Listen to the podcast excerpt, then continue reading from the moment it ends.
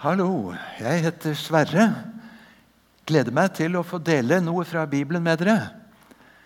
Det er for så vidt jobben min til daglig også. Jeg er eh, på Fjellhaug, professor i Nytestamentet, så jeg jobber med å prøve å lese, prøve å forstå. Og kanskje få flere til å bli glad i Nytestamentet, i Bibelen, og kjenne det som står der. Jeg fikk vokse opp som barn i Japan og som ungdom her i byen, og ikke minst her i misjonssalen. Tror jeg var i gjennomsnitt fire-fem dager i uka her fra jeg var sånn 13-14 til jeg var 25. Så her er jeg blitt oppdratt i den grad jeg noen gang ble det. Så er jeg gift, far til fem, og uh, har fått være på Fjellhaug i snart 40 år.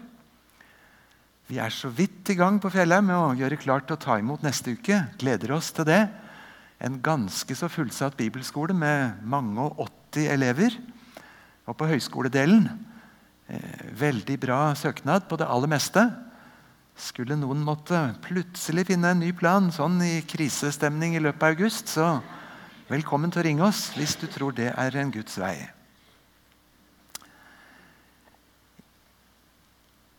Da jeg var tenåring og gikk her, så hørte vi en forkynner som skulle verve oss til å bli misjonærer.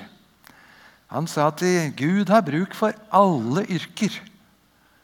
Kanskje unntatt bartendere, sa han. Og så var det noen av oss som var eh, skriftlærde små farisere. Vi hadde jo lest om Nehemja. Han var jo munnskjenk. Da er du veldig nær. Så nå er det jeg som står her og utfordrer dere på kan dere komme på noen utkaster i Bibelen. Jeg vet ikke mye om å være utkaster, men jeg skjønner det som at på noen nattklubber og noen puber og forskjellig, så har de noen som ikke bare slipper folk inn, men som også kan hive dem ut. For å snu på det Visste du at det står om en utkaster i Bibelen som virkelig kasta ut sånn at hele himmelen brøyt spontant ut i lovsang og jubel? Det er ingen tvil om at det er sånn det står. Da er vi i den merkelige boka bakerst i Bibelen som heter Johannes' åpenbaring.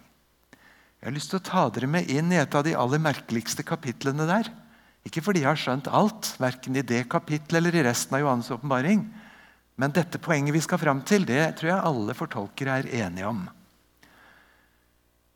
Og Historien om utkasteren som får himmelen til å bryte ut i spontan og varig og faktisk evig jubel, den finner vi altså i kapittel 12. Og Kapittel 12 det er sånn, et av de litt store vendepunktene i Johannes' åpenbaring, hvor Johannes trekker pusten litt dypt og sier nå har jeg virkelig på godt gresk et megategn som jeg skal fortelle dere. Mega det er godt gresk og betyr stort. Det er et digert, svært tegn. Hør nå. Og så forteller han om en kvinne med litt spesielt antrekk, for hun har kledd seg i solen. Istedenfor et vanlig gulv så står hun på månen. Litt spesielt antrekk, litt spesielt ståsted. Og så er hun faktisk i ferd med å føde et barn. Og hun hyler og skriker når rier og veer river i kroppen. Og hun er klar til å skulle føde. Men så skjer det noe dramatisk. Hun er nemlig ikke alene med en jordmor. Det står et fryktelig stort uvesen ved siden av, som blir presentert som en drage. Med sju hoder og med ti horn, med sju kroner på hodene. Og med kjeften åpen, klar for å sluke og spise det barnet som kvinnen skal føde. Og så står det denne dragen er ingen andre enn den gamle slangen Satan, djevelen, anklageren. Vi påstår at kjært barn har mange navn, men det har jammen Satan også. Sladrehanken, bakvaskeren, anklageren, angiveren, den onde Beelzebul, den brølende løve. Masse navn og uttrykk som brukes som et ikke så veldig kjært barn. Her opptrer han som en drage med sju hoder og nå er kjeften åpen for å sluke guttebarnet som skal bli født. Men det lykkes ikke. For himmelen selv kommer guttebarnet til unnsetning, står det. Og tar barnet og løfter det til side over på trygg grunn. Bort ifra der hvor denne dragen herjer. Og Så bryter det ut en krig i himmelen. Nå kommer utkasteren inn. For erkeengelen som heter Mikael, sammen med alle sine lojale engler, går til krig mot denne Satan-dragen, som altså befinner seg i himmelen. Og Det blir ikke en krig én mot alle. For Satan han får følge står det, av en tredjedel av alle stjernene. Englene, kanskje. Men striden blir slik at utkasteren Mikael han seirer. Og han slenger Satan og alle hans engler pang ut av himmelen, ned på jorden. Og så står det da ble slangen enda mer sint. Og når han ikke kunne klare å ta guttebarnet som skulle bli født, og heller ikke kvinnen som fødte, så styrer han sin vrede og sin harme imot alle som er på parti med den kvinnen og de der oppe. Altså mot de kristne. Og så introduserer Johannes' åpenbaring Antikrist dyret. Så hvorfor skal det komme den siste forfølgelse? Jo, fordi Satan prøvde seg på Gud. Han prøvde seg i himmelen. Han prøvde å ta kuppmakt. Han prøvde seg mot Jesusbarnet. Fikk til og med Herodes på sin side, som skulle drepe alle guttebarn under to år. Men himmelen maktet å berge Guds sønn Jesus. Og så blir Satans harme isteden styrt imot de kristne. Og i den siste tid med en sånn voldsomhet som Johannes' åpenbaring viser. I dette dramaet, hvor Mikael er utkaster, så står det nemlig at med en gang Mikael hadde fått lempet Satan ut av himmelen, bort, så bryter himmelen ut i jubel. Ikke bare én stemme, men du hører liksom hele himmeluniverset som priser Gud. Å, frelsen, gaven, nåden. Oi, nå er det der. Takk. Og så kommer denne setningen som har liksom prenta seg for meg inn til møtet her i dag. Han som anklager, er kastet ut. Anklageren han som alltid anklaget våre brødre, han er kasta ut. Han har ikke talerett mer. Kanskje syns du som meg at det er litt rart at Satan i det hele tatt opererer i himmelen? Nå har du lest litt i Bibelen, så har du kanskje lest om jobb. For I Jobbs bok så får vi høre om et sånt merkelig møte et sted i himmelen, hvor englene snakker med Gud selv. Og plutselig står Satan der. Og som den sladrehanken og anklageren han er, så prøver han å si noe negativt om jobb som Gud hadde sagt noe fint om. Noe i retning av at Tror du jobb egentlig bryr seg noe om deg, Gud? Det er ikke deg han er glad i, men det er bare fordi du gir han alle de gavene han ønsker seg. Og med lommene fulle så er han fornøyd. Det er ikke deg han elsker. Det er bare alle de gavene du deler ut. Og så blir det et merkelig hendelse ut av det hvor faktisk Satan får lov til å plukke fra jobb alt han ellers har av goder, og presser han helt opp hvor det blir spørsmål er det Gud selv, eller er det Gud sine gaver som egentlig er verd å elske. Og Et annet sted, når profeten Zakaria helt mot slutten av Gammeltestamentet plutselig en dag får et sånt profetisk syn Da får han se sin gode venn ypperstepresten Josva det er ikke den samme Josva som var Moses sin venn 1000 år før, men en yppersteprest som altså het Josva. Og Josva han står i himmelen, og der er Gud, og der er alle englene. Men problem. Ypperstepresten Josva som står i himmelen, han har skitne klær på seg. Det skjønner vi at det passer ikke. I himmelen passer ikke å komme lortete og skitten. Og problem. Satan står rett ved siden av, og som alltid så står han for å anklage. Etter en av de gamle, fine bedehussangene om å være ved Jesu føtter en stille stund. Når bare jeg og Jesus får lov til å være alene. Det er herlig, det er salig. Men hvor lenge har du og jeg fått lov til å være alene med Jesus uten at Satan blanda seg inn? Og kom og fikk tankene våre et annet sted. Glemmer hva vi leste, hva vi skulle be om.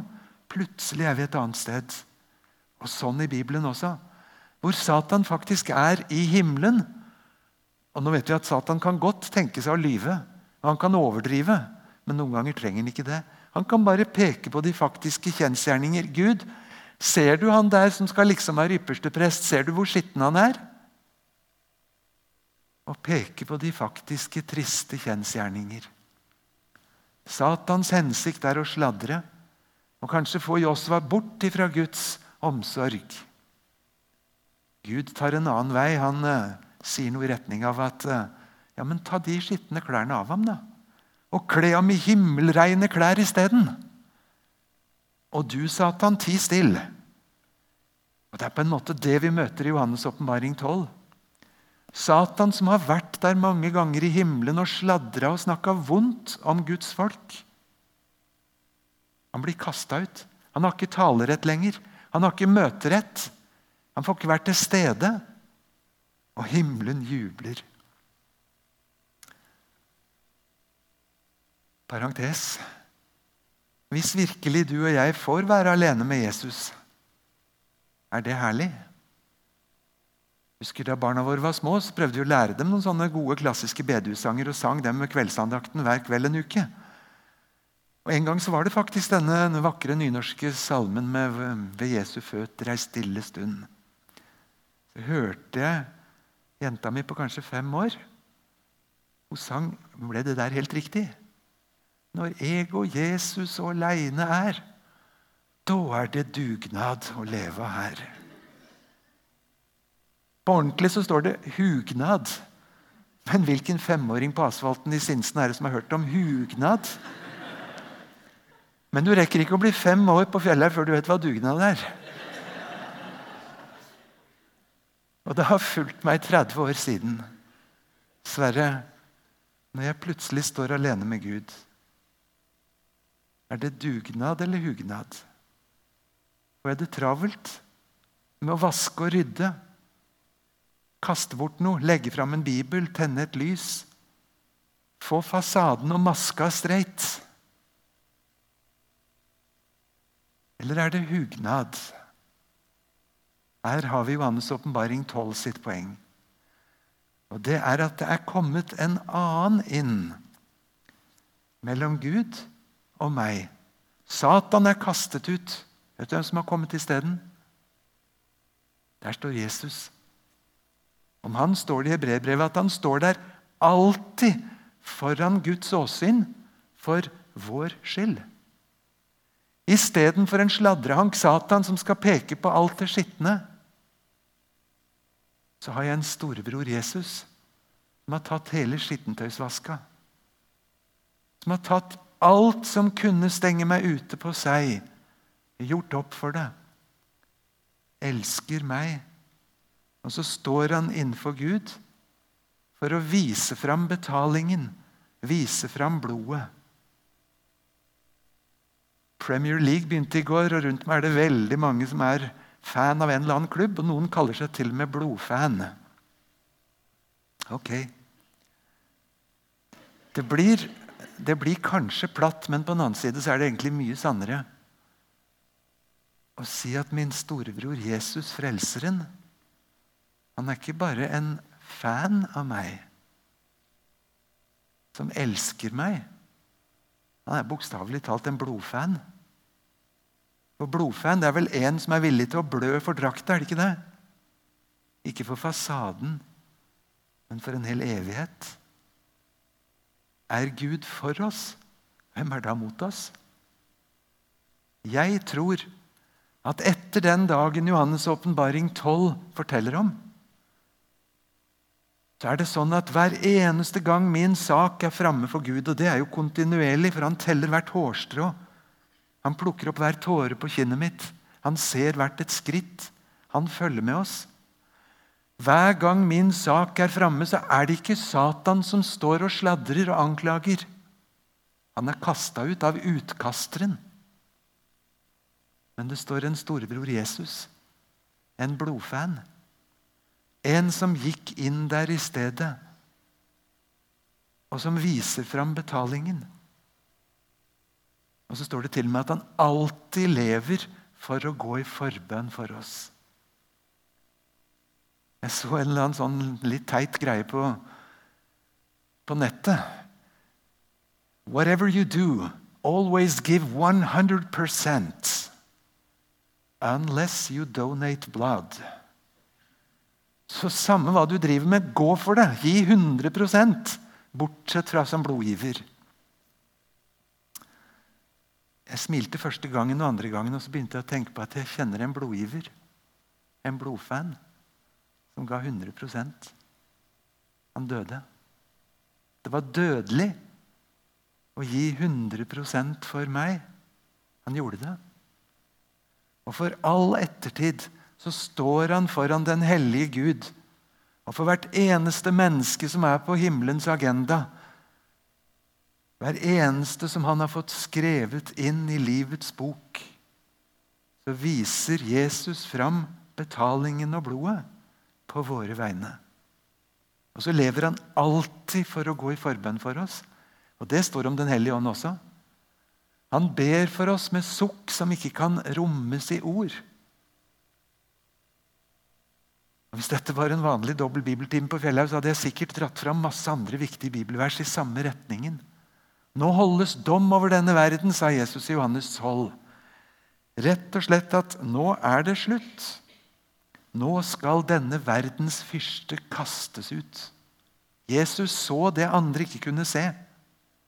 At han trådte inn mellom deg og Gud istedenfor at Satan står imellom og stenger med sine anklager. Og så er det hugnad på ordentlig. Det er glede i himmelen for å kunne tenke på lille deg, tenke på lille meg, i lys av Jesu befaling, lys av Jesu betaling. Varig løsepenge. Hvis du lurer veldig på hvordan du får tak i den betalingen, så skal du ikke behøve å lure så lenge, for under disse hvite serviettene så ligger betalingen. Små mynter, små oblater. Det er løsepengen som Gud har lyst til å rekke deg i kveld, du kan ta det i hånda, få det inn og si takk. Den betalingen trengs. Den som gjør evig forskjell.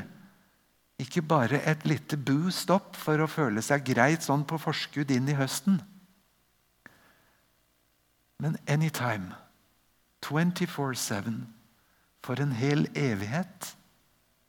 Den samme Jesus, det samme oppgjøret, den samme kjærligheten for at du og jeg skal være hans. Og for at Satan, vår anklager, ikke skal slippe til.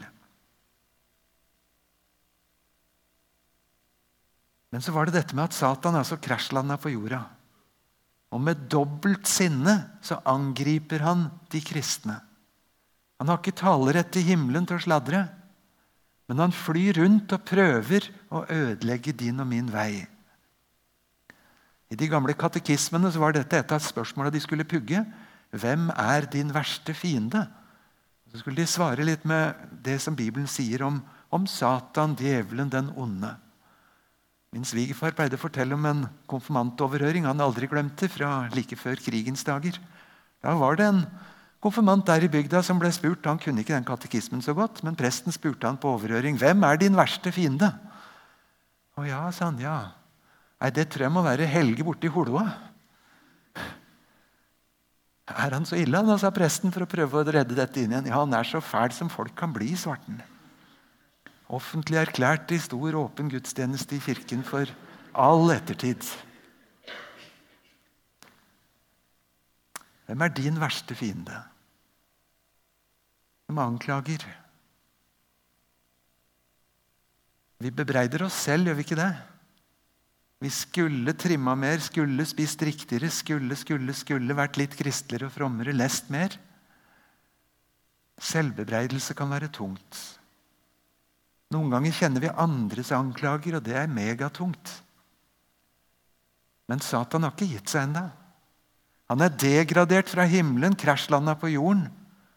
Men den dagen er enda ikke kommet når han er kastet i avgrunnen og forseglet, eller i ildsjøen. Så fortsatt er han der, noen ganger som en brølende løve for å sluke. Andre ganger tildekt som en lysets engel for å fange oss og lure oss opp i et eller annet snare. Og så kan det ta din og min frimodighet bort til å tro at Gud ser på meg med glede og med nåde. Frels oss fra det onde. Kan også oversettes fra gresk 'frels oss fra den onde'. Både det som er ondt, og han som er ond. Bevar oss, jeg ber deg, Gud. Han er sterkere enn meg, men han er svakere enn Jesus. Jesus, du må komme som dørvakten, som vokter huset, så ikke den onde kommer inn og tar seg til rette. Hvis Gud er for oss, hvem er da imot oss? Paulus spør sånn på ramme alvor. Hvem i hele verden og universet finnes det som kan stå imot oss hvis Gud er for oss? Det er dette som har ligget meg på hjertet noen uker i forhold til møtet her i kveld. Jeg har så lyst til å prøve å få sagt det sånn at du hører det. Saken om din hele evighet innenfor den hellige Gud i himmelen. Den er ikke lagt i hendene på all verdens stemmer og meninger. Gud råder. Din storebror Jesus står framfor Gud på dine vegne og viser fram betalingen. Får jeg lov å kalle han din blodfan? Som donerte 100% av blodet for at du ikke skulle dø, men leve. Å gå ut den døra der, sette seg på trikken eller whatever, og kunne si 'Far'. Tro at han liker det. Jeg har et par ting jeg må be om Jesus. Tro at Jesus syns det er bra at jeg bryr han. Er det ikke fantastisk? Står her i Hebreere et sted. Gud skammer seg ikke ved å bli kalt faren deres. Om Jesus så står det i kapittel 2 i Hebreerne han skammer seg ikke med å bli kalt broren vår. Han har tvert imot rigga i stand en hel evighet til et hus der vi skal bo med han. Hvem ville du tilbringe siste fem dagene av ferien sammen med? Å ja, Det må jeg tenke meg godt om. Fem dager ferie. Spør du himmelen. Hvem vil Gud dele en evighet sammen med? Ja, Det må bli en Peter, en Sakkeus, en røver som henger der ved siden av Jesus, dødsdømt, helt rettferdig. Så må det bli en Sverre. Og så ønsker han å dele evighet med meg. Fordi frelsen er så total. Da har jeg lyst til å summere det opp i to bønner. Gud, hjelp meg å tenke dine tanker om meg selv. Og Gud, hjelp meg å tenke dine tanker om mitt medmenneske. Wow! Tenk om det skjer.